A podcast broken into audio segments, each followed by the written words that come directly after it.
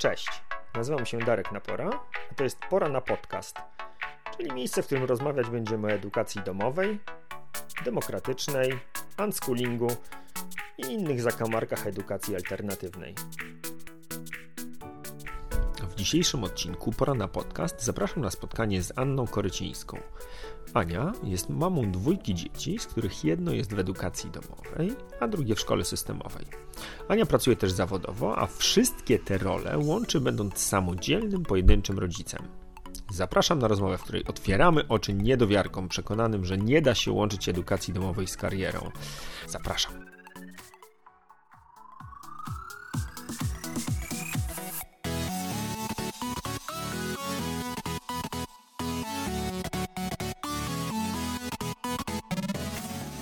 Zapraszam Ciebie do pierwszego mojego ulubionego tak naprawdę pytania e, rozpoczynającego podcast, czyli co u Ciebie żywe?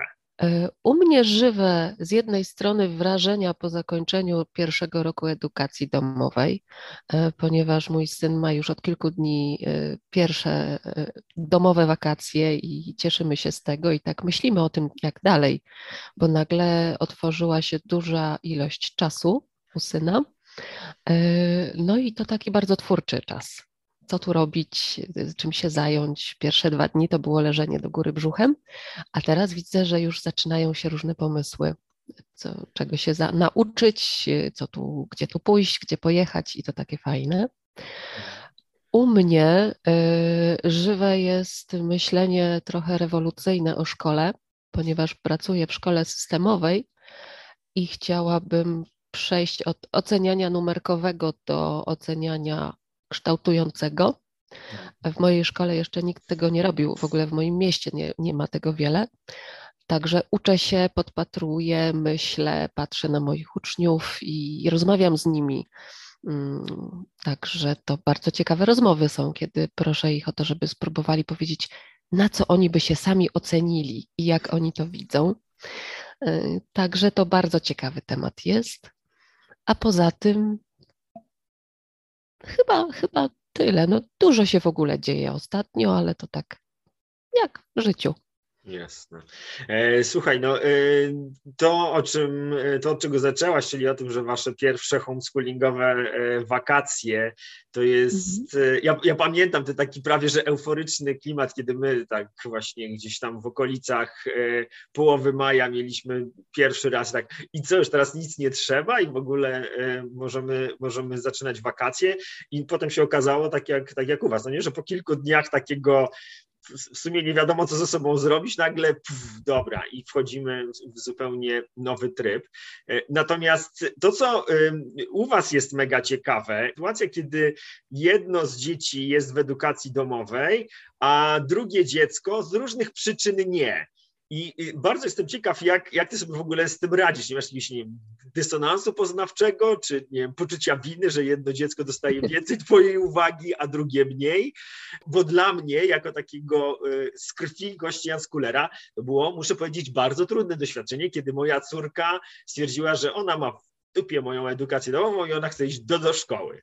Ja tak, no dobra, no, no tak. to chcesz.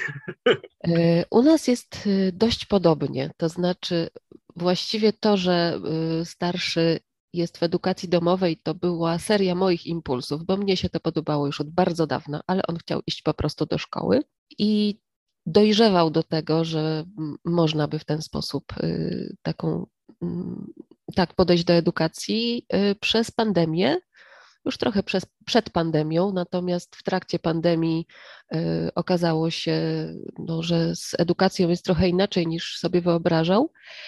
A później, jak skończyła się pandemia, było totalne zderzenie ze szkołą, i on, i on stwierdził, że faktycznie on już nie chce więcej i, i chciałby spróbować inaczej.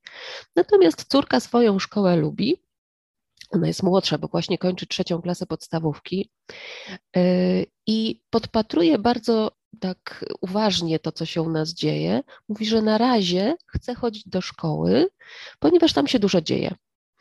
Ona lubi towarzystwo, lubi różne zajęcia, spotkania, wydarzenia. Tak widzę, że dla niej to jest ważne. Natomiast mówi, że tak za jakieś dwa lata to sobie przejdzie do edukacji domowej. Taki ma plan. Mm, dla mnie to jest kwestia takiej uczciwości mojej, ponieważ oni oboje wiedzą, y, tak od strony też Belfra, y, jakie ja mam mm, podejście do edukacji, do szkoły, do obowiązków szkolnych i każdy z nich ma inne potrzeby, więc to, jak ja podchodzę, musi się y, połączyć z wspieraniem ich.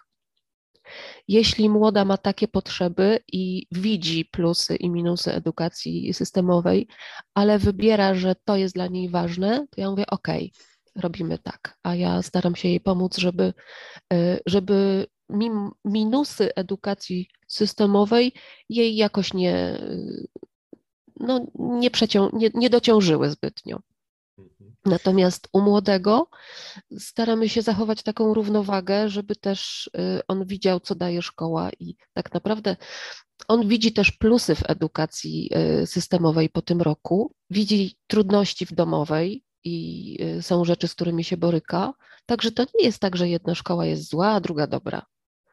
Każda ma plusy i minusy, każda zaspokaja inne potrzeby. I to, co ja staram się zrobić, to tak zorganizować y, edukację dzieciaków, żeby oboje wyciągnęli z niej maksimum dla siebie. No dobra, ale mówisz o tym, że, że, że ty starasz się tak to zorganizować, żeby oni jak największe korzyści y, z tego całego procesu wyciągali. No ale szczególnie jako osoba pracująca w oświacie, no masz wgląd w to, jak to wygląda. Zresztą sama próbujesz mhm. jakąś taką tak. rewolucję czy krucjatę prowadzić, która e, idzie po prostu wbrew e, takiemu e, głównemu trendowi, e, który no zdecydowanie od lat e, zmierza e, w stronę takiej coraz większej standaryzacji i, i, takiego odczłowieczenia tego, co się w szkole dzieje, tak, żeby usunąć mhm. stamtąd jakąś taką losowość, wzajemne sympatie czy, czy preferencje nauczycieli, co jakby ja rozumiem intencję, tak, no, że, że w szkole to nie może zależeć ocena od tego, czy nauczyciel lubi Zosię, czy nie, czy nie lubi Zosi, mm, tylko to powinno być jakoś obiektywne, mierzalne i, i, i w ogóle planowalne. Mhm. No tylko efekt jest tego taki, że, że w coraz większej mierze te nasze działania sprowadzają się do tego, żeby zapełniać rubryczki drobnym drukiem i, i zaznaczać krzyżykiem odpowiedzi, jedyne słuszne, bez możliwości zastanowienia się, po co w ogóle to robimy i, i, i czy to pytanie mnie, mnie interesuje. I teraz jak myślę sobie o dzieciakach i, i Twoim wglądzie w to, co, w to, co się tam dzieje, e, no to nie, nie masz takiego poczucia, że to jest trochę, nie wiem, jak e, ze słodyczami, które e, po prostu są tak zaplanowane i tak ułożone w supermarkecie, żeby dziecko właśnie po to sięgnęło. No bo da się, wiadomo, no jako dorośli wiemy, że jesteśmy w stanie tak zorganizować tą przestrzeń szkolną, żeby przez te pierwsze trzy lata wkręcić dzieciaki w to, że to może być fajne, kolorowe i w ogóle zapakowane w srebrne a potem boom i się zaczyna e, krew, pot i łzy i, i, i nagle się okazuje, że, że dzieciaki zostały nabite w bambuko w tym szkolnym systemie. Uodparniam dzieciaki na cukierki. Rozmawiam z nimi o tym, co się dzieje w taki sposób, żeby się na te cukierki nie łapały. E, akurat moja młodsza córka jest bardzo łasa na pochwały, na wyróżnienia, na bycie docenianą. Natomiast y, też widzi, że na przykład ocena może być niesprawiedliwie wystawiona, albo może tam nie zawsze warto walczyć o tą najwyższą ocenę. To znaczy, pokazuje im pewne mechanizmy, które y, w szkole są tak y, skonstruowane, żeby dzieci łapały się jak w grze na zdobywanie plusików, ocen, e, wyróżnień i były karane, czy miały tam utratę many za, za jakieś niekonwencjonalne działania albo za własne pomysły, pójście gdzieś własną ścieżką. Także młoda z jednej strony lubi być e, doceniona i lubię dobre oceny, z drugiej pozwalam jej nie robić wszystkiego tego, co na przykład szkoła wymaga, i wzmacniam ją w tym, że to nie znaczy, że ona jest niewystarczająca. Że, to, że na przykład zamiast pracy domowej wybierze y, oglądanie programu o makijażach i, i trenowanie makijażu na sobie, bo ona uwielbia makijaż. I może to kiedyś będzie jej praca, nie znaczy, że nie sprostała wymogom szkolnym, tylko znaczy, że wybrała coś innego. I może pójść do pani w tym momencie, czasem już nabiera na to odwagi, żeby powiedzieć, że nie zrobiła, ponieważ tam była zajęta czymś innym. Jest to oczywiście takie szokujące dla pozostałych dzieci w klasie, ale się już zdarza. I dumna byłam z młodej, kiedy y, dostała czwórkę z angielskiego, z którego jest świetna, i pani tam mm, pytała, kiedy poprawisz, no, musisz poprawić tą czwórkę. A młoda powiedziała: Nie, czwórka mi wystarczy. I to było dla mnie dużą satysfakcją, bo ja wiem, że ona jest świetna z angielskiego i że sobie poradzi na sprawdzianach czy na jakichś tam innych, no przede wszystkim w komunikacji z obcokrajowcem, a nie potrzebowała stawać y, do, w, te, w te szranki wyścigu po tą szóstkę i wspinania się jeszcze raz. Także tak się to staram zrobić, żeby ona widziała, co się dzieje w szkole i potrafiła sama się określić, w czym bierze udział, a w czym nie. No, to jest mega challenge. Ja oczywiście życzę Wam wszystkiego e, najlepszego i mam nadzieję, że rzeczywiście uda Ci się wzmocnić. E, ja myślę, że to szczególnie właśnie w przypadku dziewczyn ma, ma istotne znaczenie, że, że ta e, relacja z, zazwyczaj z nauczycielkami jest taka bardzo, bardzo istotna. No a nauczyciele niestety z tych kijomarchewek w szkole korzystają bez, bez skrupułów.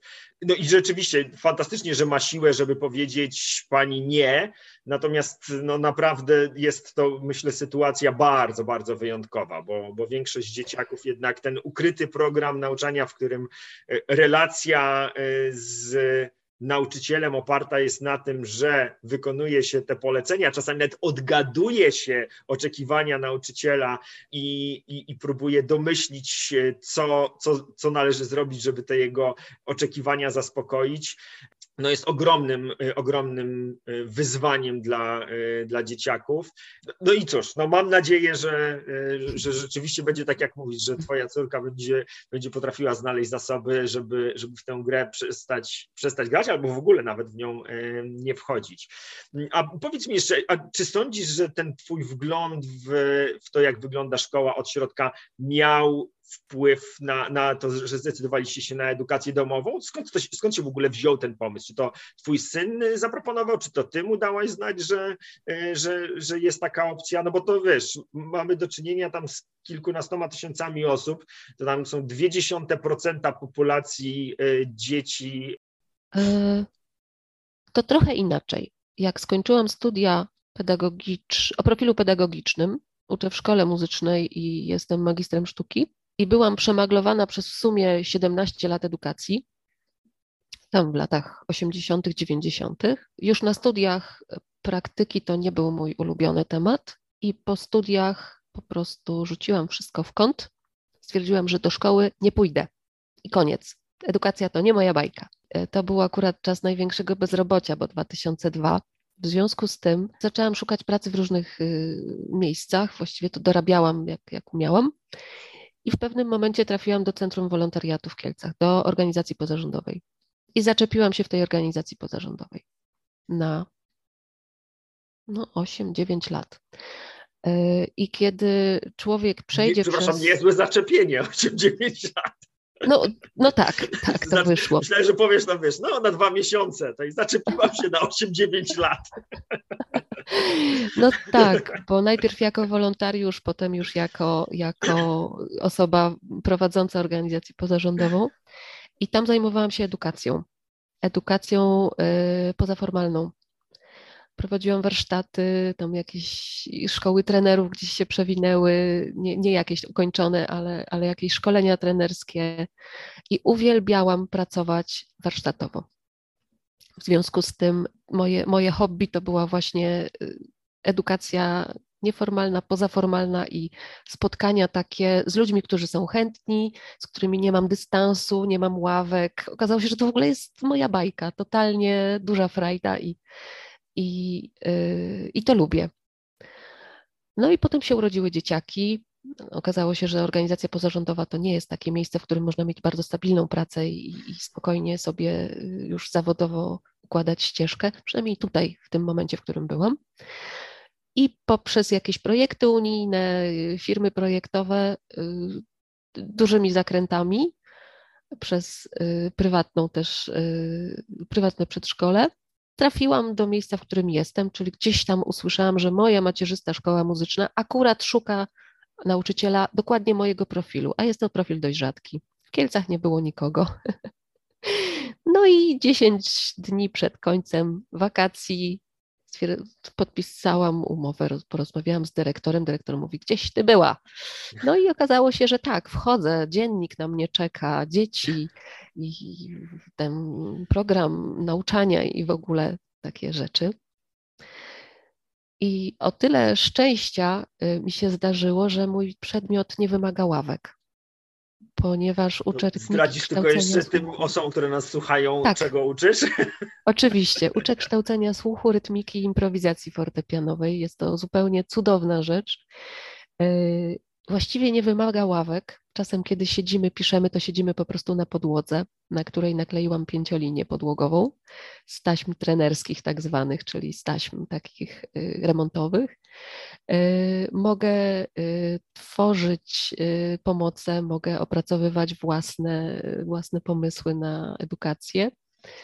I okazuje się, że to bardzo fajnie wychodzi, że moment, w którym właściwie mam wolną rękę, no mam nauczyć dzieci, uczniów, bo to dzieci, młodzież, tego, co mam nauczyć, to y, jeśli nikt mi nie mówi, musisz to robić tak, musisz realizować ten podręcznik, bo u mnie na szczęście tak nie jest, mogę wybrać, którą książkę, y, której książki używamy i też możemy nie używać żadnej, tworzyć sobie własne pomoce do naszych przedmiotów. Więc okazało się, że to jest strasznie fajne i że szkoła to w ogóle jest kapitalne miejsce. Z wyjątkiem pewnych takich, no, kłopotów czasem formalnych, które nas trochę ograniczają. Y, także to nie jest tak, że y, myśmy mając dzieci stwierdzili, o, edukacja domowa to dla nich może być fantastyczny pomysł. Tylko ja po prostu wyrosłam z edukacji pozaszkolnej. I wchodząc do szkoły miałam w sobie y, pomysły na, eduka- na rzeczy pozaszkolne, na projekty, na też relacje, bo tak naprawdę bazuję z uczniami na relacji y, najpierw, a potem na, na materiale, który mamy, zorganiz- y, który mamy, że tak powiem, przerobić. Więc kiedy mój syn szedł do szkoły, mm, miałam w głowie, myśl, że szkoła taka systemowa to nie jest to miejsce, do którego chciałam iść po studiach. I to, czym się zajmowałam, to znalezienie mu dobrego miejsca, fajnego, fajnego, fajnej szkoły. No i przerobiliśmy kilka szkół w Kielcach, ponieważ syn ma takie potrzeby braku hałasu, Aha. braku, y, y, dużą potrzebę celu, braku chaosu chyba właśnie też i potrzebę struktury na pewno, ale przede wszystkim potrzebę pójścia swoją ścieżką. Jeśli jego coś interesuje, to go interesuje. A w tym momencie kazanie mu robić czegoś innego powoduje, że no on to robi, ale z bardzo dużymi stratami emocjonalnymi. Też młody nie potrzebował dużo towarzystwa, potrzebował raczej niewielkiej grupy kolegów i odnalezienie się w dużej grupie y, było trochę takie kłopotliwe. No i kiedy przyszła zdalna edukacja, okazało się, że y, bycie w szkole robi mi więcej problemów niż myślałam. One się wtedy udo, uwidoczniły. I wtedy wróciłam do tematu. Słuchaj, może byś nie wracał do szkoły, tylko popracował tak. No i wtedy stwierdził, że faktycznie. Okej. Okay. Wiesz co, jak słuchałem Ciebie, to zatrzymała mnie e, taka, taka rzecz, która wydaje mi się, że też jest dość powszechnym doświadczeniem mm, wielu rodzin, które nie decydują się na edukację domową od razu e, w pierwszym roku nauki. Mhm. E, to znaczy takie doświadczenie właśnie próbowania różnych placówek takich stacjonarnych i, i, i co za tym idzie, często rozstania z tymi placówkami e, albo z obustronną za obustronną zgodą, albo czasami wręcz, wręcz jednostronnie po prostu wymawianie, wymawianie umowy. I e, ciekaw jestem, jak sobie radziliście z tym okresem takiego poszukiwania, bo wydaje mi się, że nawet jeżeli wiesz, wchodzisz e, no, do pierwszej, drugiej czy do trzeciej szkoły z takim zaufaniem, że no tym razem mam nadzieję, że już będzie wszystko super, no ale po którymś razie naprawdę jest trudno e, do kolejnego miejsca przyjść i obdarzać ich zaufaniem, że że no, cztery razy się nie, do, nie udało, ale teraz to już będzie super. Jak, jak wy sobie radziliście w tamtym okresie? To było trudne.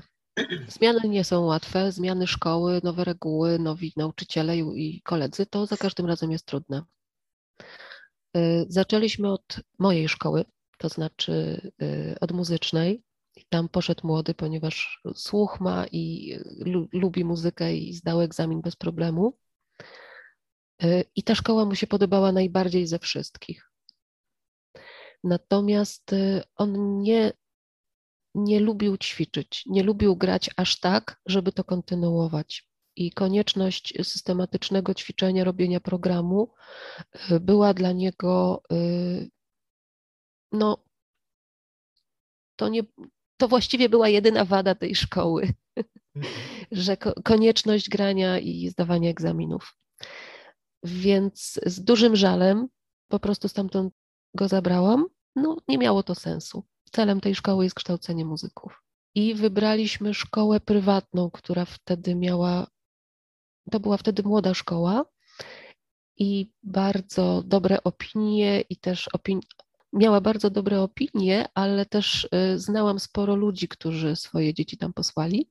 Natomiast ta szkoła się w międzyczasie rozrosła i trochę się zmieniła, nie spełniała już po pewnym czasie e, naszych oczekiwań, więc poszliśmy tam z dużą euforią i po roku wyszliśmy tak no trochę z rozczarowaniem. W dodatku u nas się zmieniła sytuacja rodzinna. Mm, to znaczy,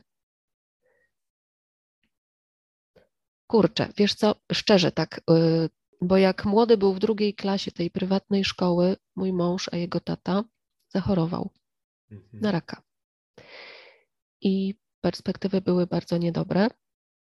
Mm, I chodziło między innymi o to, żeby młodego nie trzeba było wozić po Kielcach, żeby był blisko.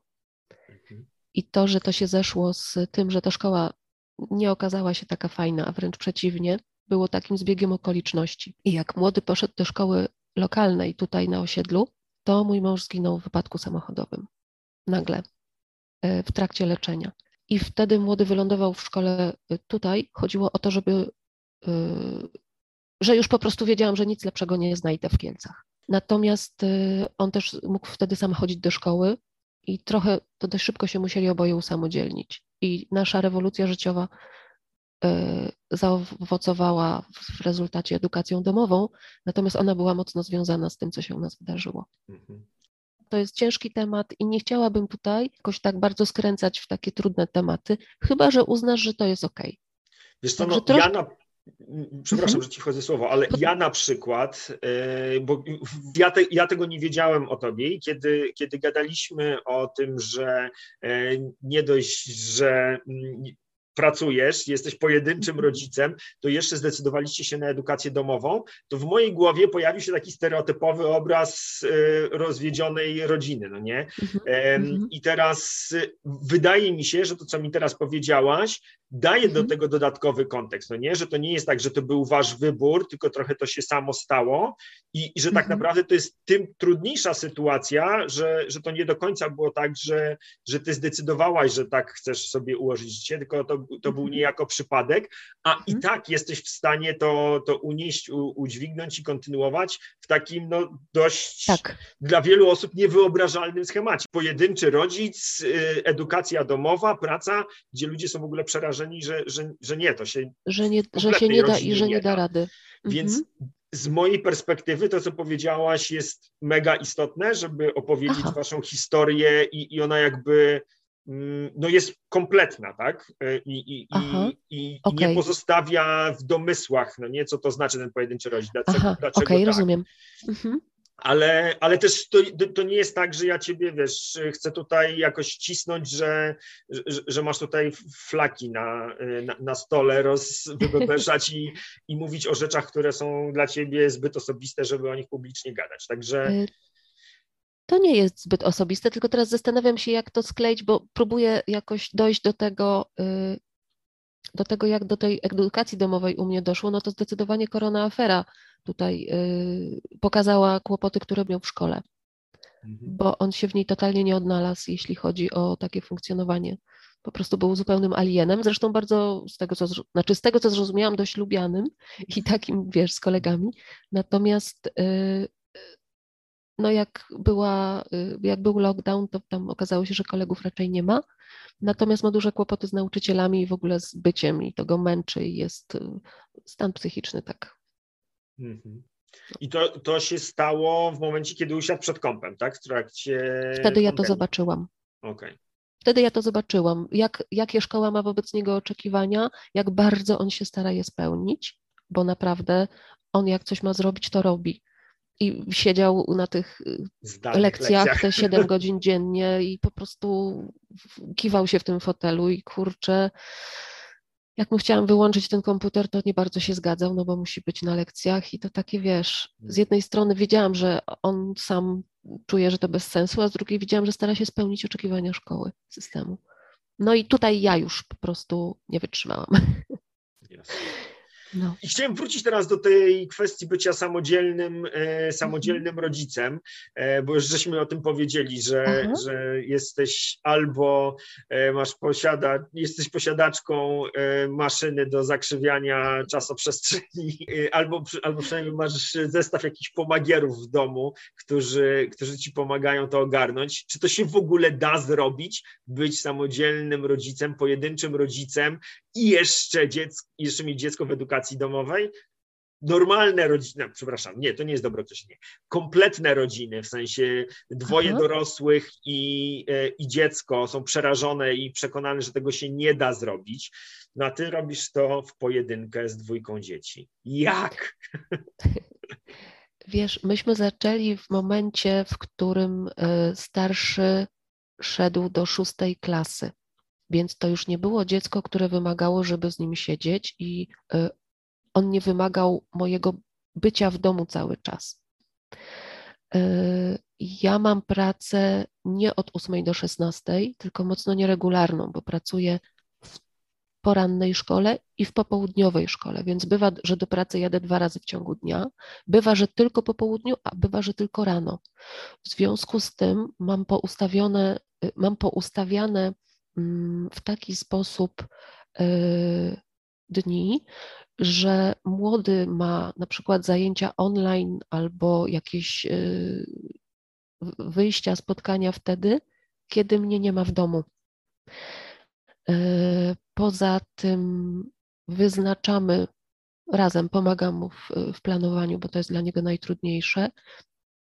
Wyznaczamy, co ma zrobić, kiedy mnie nie ma, i on to robi. I to chodzi zarówno o rzeczy domowe, czyli tam rozpakowanie zmywarki, zakupy, e, czasem drobne jakieś naprawy czy załatwienia czegoś, jak i oczywiście o szkołę. Młoda ma lat 10, ale też jest e, tytan. Potrafi i lubi od czasu do czasu coś ugotować. E, potrafi ogarnąć przede wszystkim siebie, zorganizować się wyjść do szkoły. Właśnie wyszła w czasie naszej rozmowy. E, ma klucz, oboje mają telefony, więc w każdej chwili mogą do mnie zadzwonić. Ja nie odbieram w trakcie lekcji, ale odpisuję albo oddzwaniam wtedy, kiedy mogę. Mm, więc tak, bardzo samodzielne dzieci i tutaj mam naprawdę do nich wielki podziw i wdzięczność, że tak współpracują. Mm, moja praca nie zajmująca mi w ciągu dnia czasu tak od rana do wieczora każdego dnia, tylko dająca się troszkę dopasować do y, takiej organizacji y, nietypowej i wielka pomoc moich rodziców. To znaczy, polega to na tym, że wtedy, kiedy dzieciaki są cały dzień same w domu, To znaczy, mnie nie ma cały dzień, bo oni nie, nie są cały dzień sami, ale y, wtedy, kiedy mnie nie ma cały dzień, przyjeżdża moja mama, trochę nam pomaga ogarnąć dom i y, gotuje. Daje im wtedy obiad. Bywa, że wiezie ich na zajęcia jakieś albo po prostu wyciąga na spacer do miasta, na zakupy, do lasu. Także y, tutaj moja mama jest bezcenna. No i jest u nas dwa razy w tygodniu. Ja pracuję pięć dni, natomiast dwa z nich nie jest tak, że ona siedzi cały dzień, ale wpada na, na parę godzin. Także tutaj pomoc zewnętrzna jest nieodzowna. W razie potrzeby mam sporą, w ramach oczywiście możliwości, pomoc w pracy. To znaczy, w mojej sekcji y, są dziewczyny, y, które, jeśli mam kryzys, pomagają. To znaczy, gdybym potrzebowała nagle zastępstwa, co się właściwie nie zdarza, ale gdyby, to zawsze ktoś tam za mnie weźmie dzieciaki. Też jeśli chodzi o egzaminy wstępne, no teraz mamy sesje egzaminacyjne, więc tego jest bardzo dużo. Jestem w wielu komisjach, ale też y, w czasie układania harmonogramów jest tak, że mm, moja szefowa bierze pod uwagę, żeby tam gdzieś tam dać mi oddech, że muszę pojechać do dzieciaków i, i tam coś pomóc. Także duża pomoc moich rodziców i takie wsparcie w pracy. Ja trafiłam właściwie w tym momencie na tą sytuację do najlepszego miejsca, jakie mogłam sobie wymyślić. No tak, instytucja babci to e, myślę, że e, niezależnie od sytuacji rodzinnej jest, e, jest bezcenna. Tak, i tu się nie ma co oszukiwać. W takiej sytuacji jak moja, sama zupełnie, bez pomocy zewnętrznej, zajechałabym siebie.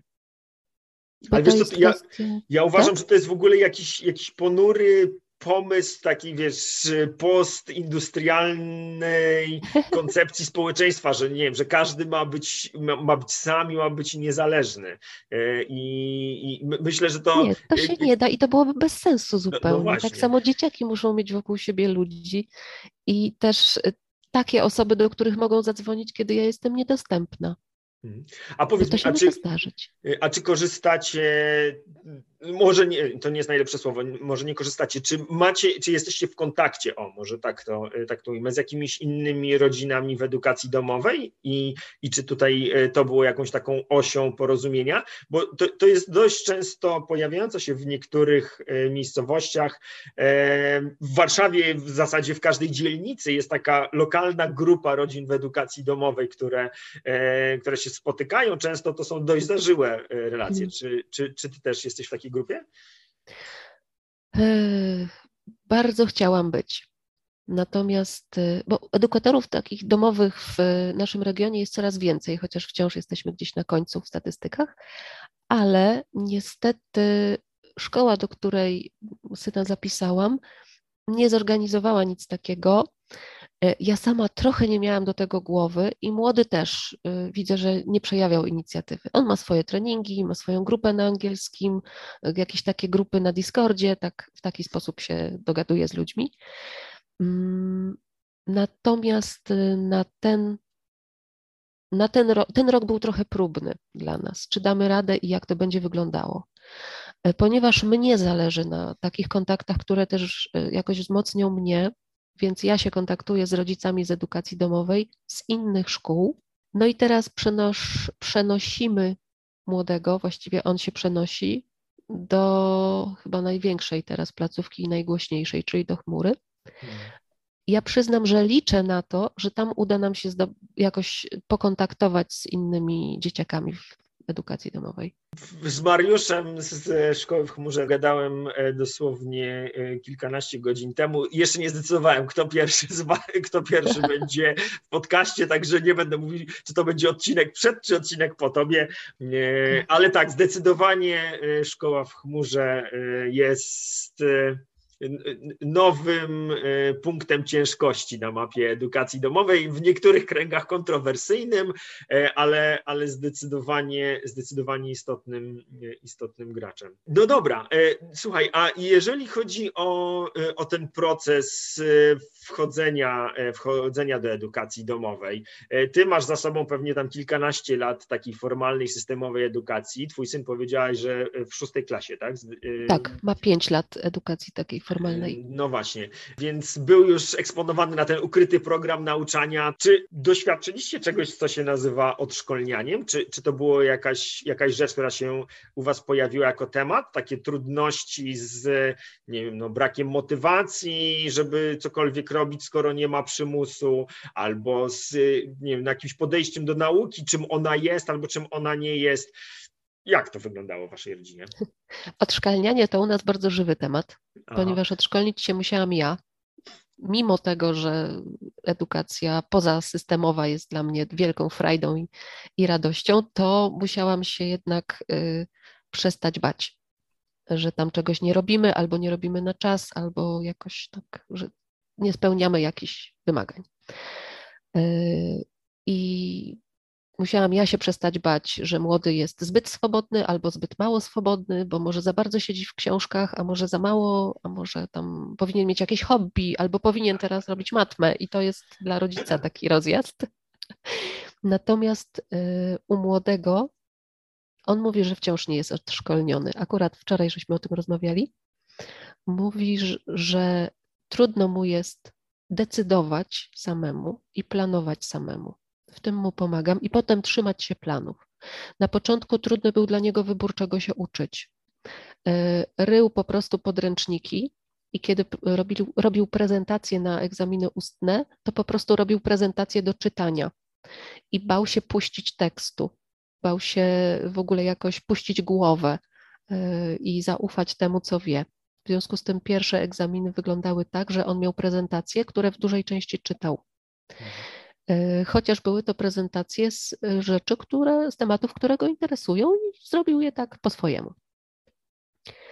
Natomiast pierwszym takim prawdziwym egzaminem po mojemu, takim w duchu po mojemu, był egzamin z matmy, której młody nie cierpiał i bardzo się bał, twierdził, że nie umie, ponieważ zrobił e, temat naustny właściwie nie wiem, jaki był temat, po prostu porównanie kosztów i opłacalności, przepraszam, porównanie kosztów i opłacalności podróżowania po mieście różnymi środkami lokomocji, bo to jest jego pasja totalna. Samochody przede wszystkim. Hmm. Właściwie od kiedy zaczął chodzić i turlać różne rzeczy, to, to jest jego pasja. I po prostu wysłał jako swój projekt plik Excela, w którym były wyliczenia łącznie z wyliczeniem kosztów y, podróży pieszo, przeliczonej z kalorii dżule jakoś tam waty, nie wiem, na czekolady. Więc to były koszty liczone w czekoladach. E, koszty hulajnogi też były w czekoladach. Potem hulajnoga elektryczna, zsumowanie, wyśrod tam wyśrodkowanie kosztu czekolada, a y, paliwo do hulajnogi elektrycznej. No, po prostu projekt był mega i to, było, y, to był plik Excela, o którym on mówił. Mówił, mówił, mówił i y, poczuł chyba wtedy, jak wygląda y, rzeczywiście projekt, który się robi. Bo najpierw oczywiście przeszukiwanie internetu w y, poszukiwaniu danych, potem kombinowanie, jak to przeliczyć, jak przeliczać koszty prądu na, na koszty paliwa jakiegoś, uwspólniać. No, przefajne to było.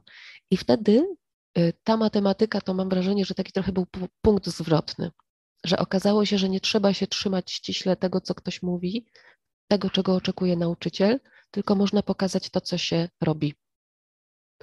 Więc to był taki mm, moment zmiany myślenia, tak przypuszczam, bo akurat o tym z młodym nie rozmawiałam, ale wtedy zaczął inaczej podchodzić do, y, do nauki, wyszukiwać sobie różne swoje rzeczy y, i prezentować też je niekoniecznie w formie tam prezentacji slajdów.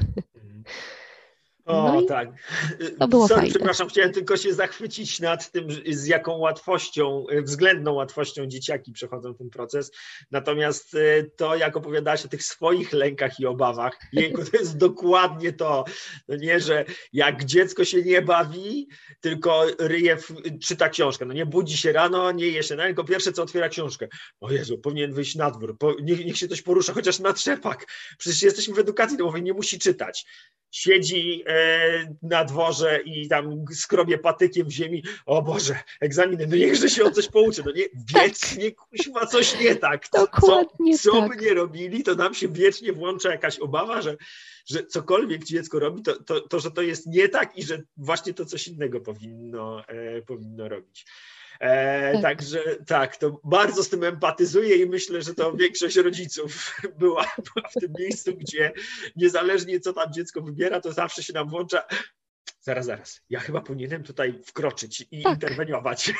Tak, bo i to jest to, że nie ma kogoś z zewnątrz, kto ci mówi, tak, to robisz dobrze, tak, teraz popraw tą trójkę, bo tam coś innego, a w ogóle to jeszcze tam z fizyki coś tam trzeba będzie i y, to, o czym młody mówi, że dla niego jest trudne w edukacji domowej, to totalna samokontrola, potrzeba samokontroli, czyli tego, że on sam planuje, co ma zrobić, musi zdecydować, wybrać y, i potem tego się trzeba trzymać. I to trzymanie się też nie jest takie łatwe wcale, bo postanawia, że się będzie uczył na przykład codziennie przez tydzień czegoś, a potem się okazuje, że zaczyna robić co innego i i, i, i to odpuszcza.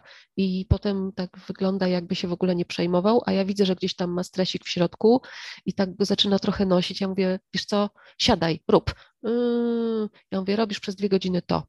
Siada i jest zadowolony, bo ktoś mu kazał usiąść i on siedzi i robi. No tak, ale to, to jest jeszcze ten element szkolny. Ja, ja mam takie wrażenie, no nie, bo y, jak, jak od razu jak użyłaś słowa odpuszczanie, to ja oczywiście to jest moja jakaś tam działka, bo ja jestem z takiego bardzo unschoolingowego rozdania jako rodzic, choć tak jak powiedziałem, moje dzieci coraz głębiej w poważaniu mają mój unschooling. Natomiast dla mnie to też jest taka duża wartość, żeby się nauczyć odpuszczać, no nie? I, i co ważne, bez tego poczucia winy. E, to jest rzecz, którą, z którą wielu dorosłych ma, e, ma trudność, żeby w tej nieskończoności możliwości skupić się na tym, co mogę zrobić, co jest teraz w moim zasięgu, a nie myśleć, wiesz, w wiecznym poczuciu FOMO, że o Jezu, te wszystkie rzeczy, których teraz nie robię i, i które mógłbym robić, ale, ale siedzę i, i się patrzę, tak. jak liście spadają z drzew. Tracę czas i to jest tak drążący niepokój, że właściwie to można by zrobić jeszcze to i tamto i teraz to właściwie mam takie może możliwości i może nie korzystam wystarczająco i to gryzie bardzo. I mnie gryzie, że na przykład młody nie robi tego czy tamtego, a on w tym momencie okazuje się, że właśnie siedzi nad blenderem, program do jakichś takich tych, nie wiem, czy animacji, czy grafiki komputerowej i go rozgryza. Zresztą z y, filmikami z YouTube'a po, po angielsku, bo takie znalazł. Więc mhm. właściwie to się uczy, nie? Na mhm. maksa. Czwartego dnia wakacji. A czy u was, a czy u was jest tak, że, że te zainteresowania i, i takie hmm, no, te, te, elementy, które jakoś go bardzo kręcą, przychodzą falami, bo to jest taka rzecz, która ja u moich dzieciaków bardzo obserwuję i na którą wydaje mi się, że w szkole w ogóle nie ma miejsca, bo tam jest właśnie jakby cała ta struktura, no nie, że systematyczność, że codziennie. Że... Natomiast ja mam takie wrażenie, że, że moje dzieciaki działają w takich sinusoidach, że jest totalny szczyt, wkręceni w jakąś jedną rzecz i potem to sobie opada i zostawiają temat na, na długie, długie dni, a czasami tygodnie i potem do niego wracają i to znowu sobie rośnie. Ale tak samo przecież robią dorośli. Ja mam wrażenie, że dzieciaki w edukacji domowej, prze, ja przestałam postrzegać ich jako dzieci, a zaczęłam jako ludzi. To znaczy, oni tak samo jak my nie lubią na przykład y, systematycznej pracy, czy my jesteśmy systematyczni tak normalnie? No jak robiłam teraz mianowanie, to nie było tak, że przez trzy lata siedziałam w papierkach. Tylko tak naprawdę większość ludzi oczywiście co jakiś czas coś robi, żeby tam mieć porządek w tym wszystkim, ale tak naprawdę kilka ostatnich miesięcy to jest siedzenie i, i, i stukanie, prawda, żeby, żeby to mianowanie zrobić. I tak samo mają dzieciaki, tylko nagle wymagamy od nich w szkole systemowej systematyczności. I to tak samo też, no, mm, mój mąż miał fazę na robienie piwa. I to było kapitalne. Mieliśmy w domu mały browar. W związku z tym to nie było tak, że to piwo robił y, tak już, no, prawda, latami do końca życia i w ogóle, tylko y, akurat w tym momencie mu się spodobał temat i przez dwa chyba sezony mieliśmy w kuchni, dwa sezony, czyli dwa, no dwa lata, mieliśmy w mhm. kuchni taką, taką fabryczkę. No, no tak działamy, prawda? Y, ostatnio, chyba wczoraj, była kapitalna dyskusja na takiej grupie Ja Nauczyciel, nauczycielskiej. Czy jeśli ktoś pracuje cały rok systematycznie i ma szóstkę, to ta szóstka nie powinna być takim wyróżnieniem dla niego za tą systematyczną pracę, a jeśli ktoś pracuje pod sam koniec roku, poprawia wszystkie oceny na szóstki, to też mu można postawić szóstkę. No bo przecież nie pracował systematycznie cały rok. No umie teraz, ale to był zryw. I czy można go za to nagradzać szóstką? Przeciekawa dyskusja i patrzenie od innych, od różnych aspektów, no bo czy to jest sprawiedliwe, prawda? Skoro mamy nagradzać systematyczną pracę, to na pewno nie, tylko czy na pewno w życiu systematyczna praca to jest to, co wszystkim jest potrzebne. A może właśnie zryw i zrobienie na deadline tego, co trzeba. Także no, w tym momencie patrzę na dzieciaki bardziej y, w odniesieniu do działania ludzi po prostu umysłu i no, tak samo mają jak my. Ja też nie jestem mistrzem planowania. Wiesz co, w kwestii ocen to, y, to był wielki błąd, który ja też popełniłem, jak się okazało, y, rozmawiając z Wojtkiem Gawlikiem, który jest egzaminatorem, podobnie jak ja, mhm. w kilku szkołach macierzystych. Okazuje się, że, że to jest błąd, bardzo duży błąd, który wielu nauczycieli popełnia i który ja również popełniłem w trakcie rozmowy z nim, będąc właśnie przekonanym o tym, że ocena ma spełniać jakąś rolę e, motywacyjną, że ocena ma być e, informacją Nagrodą? zwrotną, Aha. że ocena, no tak. E, że ocena ma mieć takie, taki, taki wymiar właśnie albo wzmacniania systematyczności, albo sprawdzania tego, czy został osiągnięty jakiś tam, e, jakiś tam poziom. Nie, na, ocena ta cyfrowa, jej jedynym celem w ustawie prawo oświatowe jest e, klasyfikacja oraz, oraz ewentualna promocja do kolejnej klasy. Dokładnie tak. Także cała ta, cała ta rozmowa w ogóle, w którą ja też się dałem wlulić, by the way, e, jest o kant dupy potłuc, bo to w ogóle nie ma umocowania w przepisach, więc to są jakieś widzi mi się i wy, wymysły nauczycieli, którzy myślą, że, że, że że to jest ich zadanie, żeby znaleźć nie wiem, jakąś sprawiedliwą ocenę za, za coś tam. Oczywiście, żeby było jasne, w metodyce nauczania, no wszyscy wiemy jako nauczyciele, że sposobów, jakich narzędzie w postaci oceny może być wykorzystywane jest bardzo wiele, no nie? żeby na przykład ustawić uczniów od najlepszego do najgorszego. Och, albo to jest podstawowa funkcja w ogóle Albo sprawdzić, czy, czy jaki został osiągnięty progres, albo sprawdzić, czy został opanowany materiał, albo na przykład właśnie wzmacniać jakieś zachowania konkretne. Natomiast żadna z tych funkcji nie jest, y, nie jest opisana w prawie oświatowym, więc to są już jakieś, wiesz, do, dowolna interpretacja nauczycieli, ale, ale, ale, czekaj, jeszcze nie skończyłem, bo najbardziej mnie w tym y, twoim mm, braku respektu dla systematyczności. Ciekawi, jak ty to łączysz e, z pracą w muzyce, bo no, trudno mi sobie wyobrazić e, bardziej wymagającą systematyczności profesję niż e, muzyk. I czy mhm. ty zapominasz o, o czym jest gra na instrumencie? Przecież wydaje mi się, że to, to chyba tylko i wyłącznie sprowadza się do systematycznej, ciężkiej pracy. Czy się mylę? Tak, ale to jest bardzo duża, bardzo duża różnica jest między uczeniem się grania, a uczeniem się czegokolwiek innego. Tak samo myślę, że tutaj muzykę taką wykonawczą można przyrównać do sportu. To znaczy, tak jak sportowiec musi trenować systematycznie i nawet są tam wyliczenia, jak często i wcale niekoniecznie codziennie to samo, tak samo jest u muzyka instrumentalisty.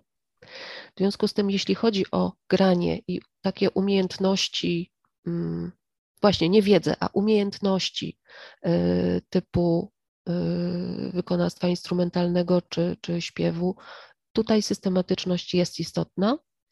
Natomiast w szkole mojej też są przedmioty, takie jak historia muzyki chociażby, czy formy muzyczne, inne, inne przedmioty, w których ta systematyczność nie jest już tak, tak kluczowa, bo historii muzyki można się nauczyć myślę, w znacznie bardziej ograniczonym czasie niż rok tego materiału, to, to, znaczy materiału, który trzeba tam opanować.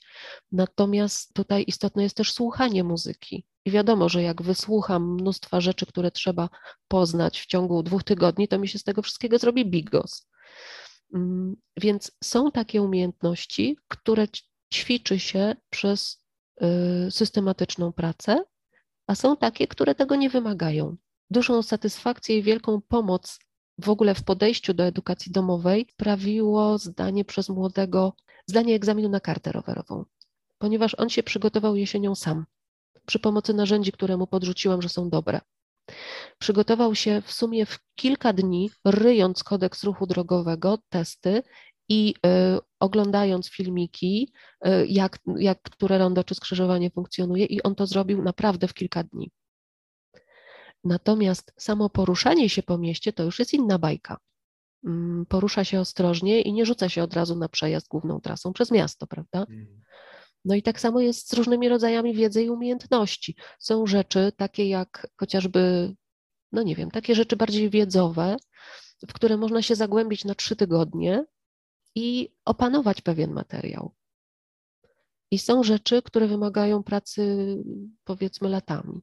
Ja poznałem e, w tej swojej karierze już kilkuletniej, Jezu, jak to brzmi, jak, aż mi utkwiło to zdanie w gardle, jak zacząłem to mówić, no ale taka prawda, no, zajmuję się, kurczę, wstawianiem, e, jestem panem długopisem, o, zajmuję się wstawianiem stopni za, za egzaminy w edukacji domowej i spotkałem już, już dosyć wielu muzyków, które, którzy dokładnie e, tak samo o tym opowiadali, takich młodych muzyków, którzy są jeszcze wciąż w okresie spełniania obowiązku e, nauki i, i robią to poza szkołą, czyli, czyli w edukacji domowej.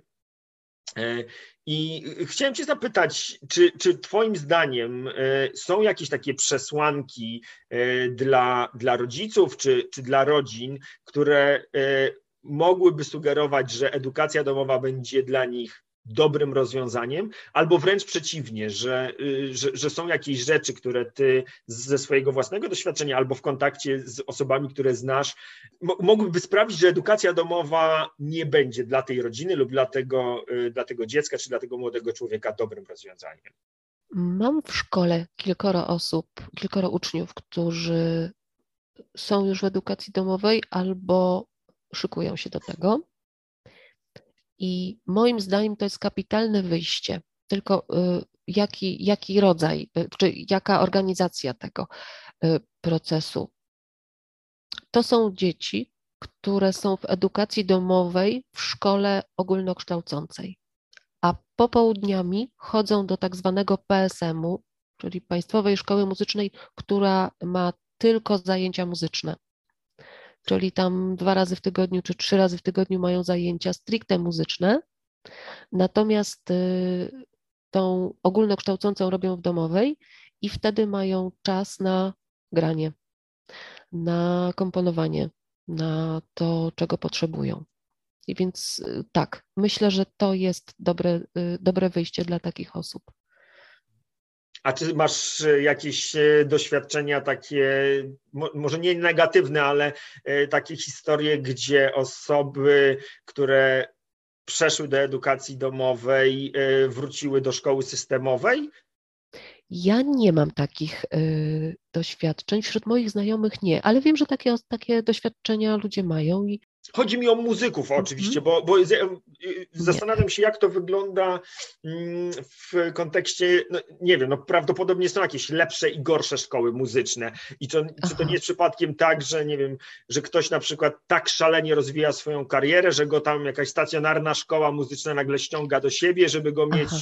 wśród swoich e, absolwentów. Nie wiem, są takie hece? Nie. To znaczy tak, szkoły muzyczne to popołudniówki nie, ma, nie, y, nie są możliwe w edukacji domowej. Jak jest ogólnokształcąca szkoła muzyczna, ta, że idzie się od rana na polski, matmę, potem kształcenie słuchu, potem jakaś tam orkiestra czy coś, prawda? Mhm. Takie pełne piony ogólnokształcące z, dział, z tym muzycznym, no to y, tutaj, z tego co wiem, edukacji domowej też raczej się nie stosuje. Hmm. Więc jeśli ktoś chce być w szkole muzycznej w edukacji domowej, to robi edukację domową w szkole ogólnokształcącej, mhm. a do muzycznej normalnie chodzi. Z tego co wiem, nie da się zrobić domowej edukacji w szkole muzycznej. Nie ma takiej możliwości. Natomiast y, mam trochę inne doświadczenia. To znaczy, osoby, które do tej pory były w szkole muzycznej, tej dziennej, przeniosły się do innej szkoły, do chmury czy tam różnie, mm, do edukacji domowej i chciały chodzić po południu do muzycznej. Kiedy zaczęły edukację domową, okazało się, że mogą rozwinąć inne pasje i z muzycznej rezygnowały. I to nie znaczy, że przestały grać tylko zaczynały grać swoje rzeczy, już nie takie y, z tego kanonu klasycznego czy, czy tego szkolnego. Natomiast y, koleżanki, córka w tym momencie, świetna pianistka, odeszła również z popołudniówki i jest aktualnie mistrzynią województwa w lekkiej atletyce. Nagle się okazuje, że masz na wszystko czas, no nie? Tak, nagle się okazuje, że ma się czas i że można spróbować innych rzeczy i ma się znajomych nagle w różnych kręgach, a nie tylko w tym muzycznym. Także zdarza się tak, że po odejściu z systemowej człowiek nagle zupełnie y, odkrywa różne inne ścieżki dla siebie. I to też fajne. Ja jestem pewna, że ta dziewczynka wróci do muzyki, bo to jest muzyk pełną gębą. I, i, i jest naprawdę no, nie, nie wyobrażam sobie, żeby muzyki w jej życiu zabrakło. Natomiast teraz muzyki słucha, a y, poza tym biega, skacze, trenuje, no uczy się oczywiście, bo to liceum i tak Słuchaj, to y, na zakończenie chciałem jeszcze poprosić, żebyśmy y, zrobili taką, wiesz, obwódkę kolorową do tej naszej e, rozmowy. Jak myślisz sobie o, o waszej edukacji domowej i o tym, jak, to, jak ona wpłynęła na, na wasze życie? Co jest jakimś takim największym e, walorem, czy największą zaletą, czy, czy, czy jakąś taką e, rzeczą, która, która stała się w waszym życiu, która, którą zawdzięczacie edukacji domowej? Czas też rozmawiałam o tym, o tym wczoraj z młodym. Jakoś tak nam się zgadało po tych egzaminach o tym, jak to jest w tej edukacji, czy to, czy to fajne, czy dalej chcemy. I oboje mamy takie mm, odczucie, że czas to jest to, co odzyskaliśmy. E, kiedy młody siedział w szkole, mm, to go nie było fizycznie.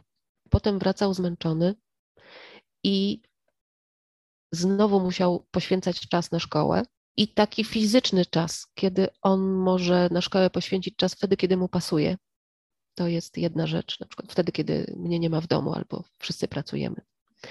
To jest jedna rzecz. A druga, która się z tym wiąże, to relacja z nim, ponieważ mamy czas, żeby pogadać, żeby coś tam porobić.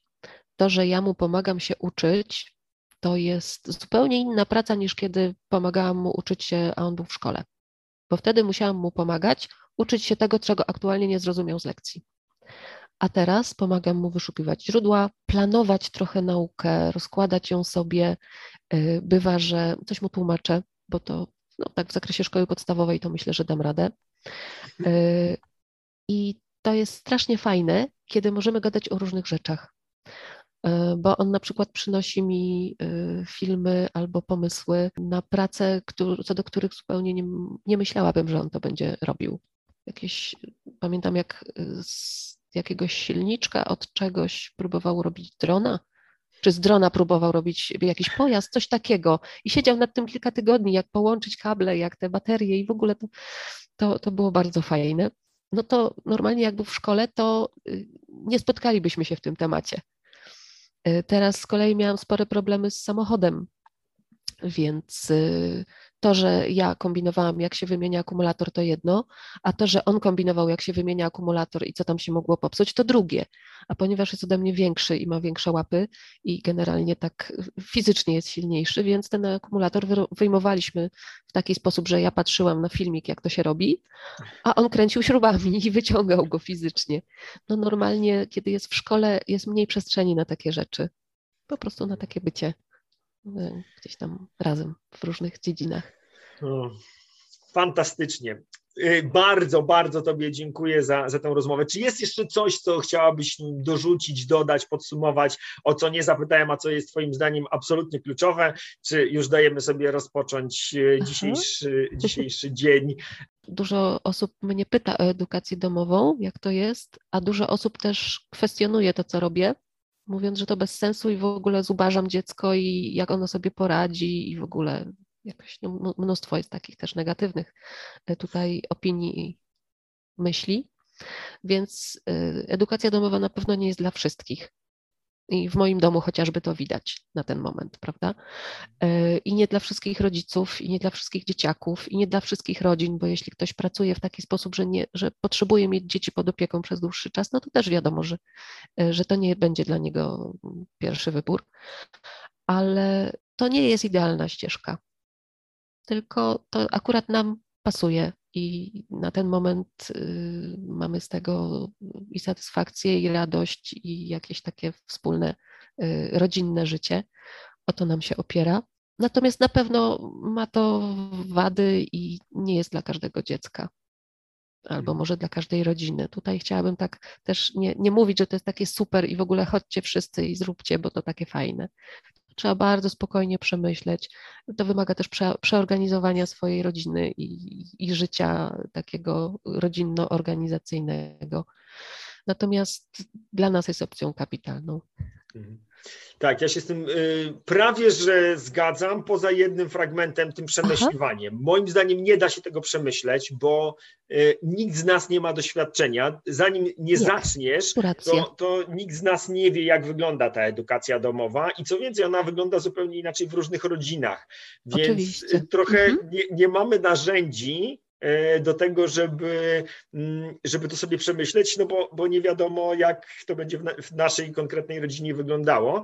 Więc moja rekomendacja akurat jest taka, że jak naprawdę macie takie poczucie, że, że to, co teraz robicie, jest nie okej, okay, albo to, jak wyobrażacie sobie swoje dziecko i swoją rodzinę w szkole systemowej, to jest, to jest nie, to warto sobie spróbować na jakiś czas, bo to, co powiedziałaś, e, że, że, że wam teraz to działa, że, że na tę chwilę wam się mhm. to sprawdza, to dokładnie tak samo można zrobić w każdej rodzinie, e, to znaczy spróbować sobie na przykład przez jeden rok, jak to będzie wyglądało w edukacji domowej, w naszym wydaniu, czy nam to będzie się sprawdzało. Jak się będzie sprawdzało, to super, zadziałało, możemy kontynuować. Jak się nie będzie sprawdzało, no to kurczę, od jednego roku w edukacji domowej nic się naprawdę nikomu nie stanie.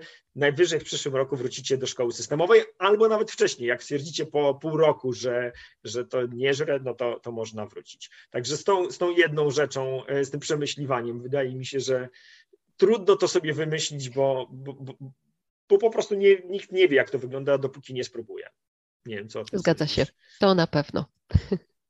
No dobra, to kończymy w takim razie. Życzę Tobie dobrego tygodnia. E, ja lecę do mojego synka, bo obiecałem mu dzisiaj e, sesję stretchingu poranną, e, więc zajmiemy się jak porządna edukacyjno-domowa rodzina spędzaniem czasu razem. Dziękuję Ci bardzo za rozmowę. Dzięki.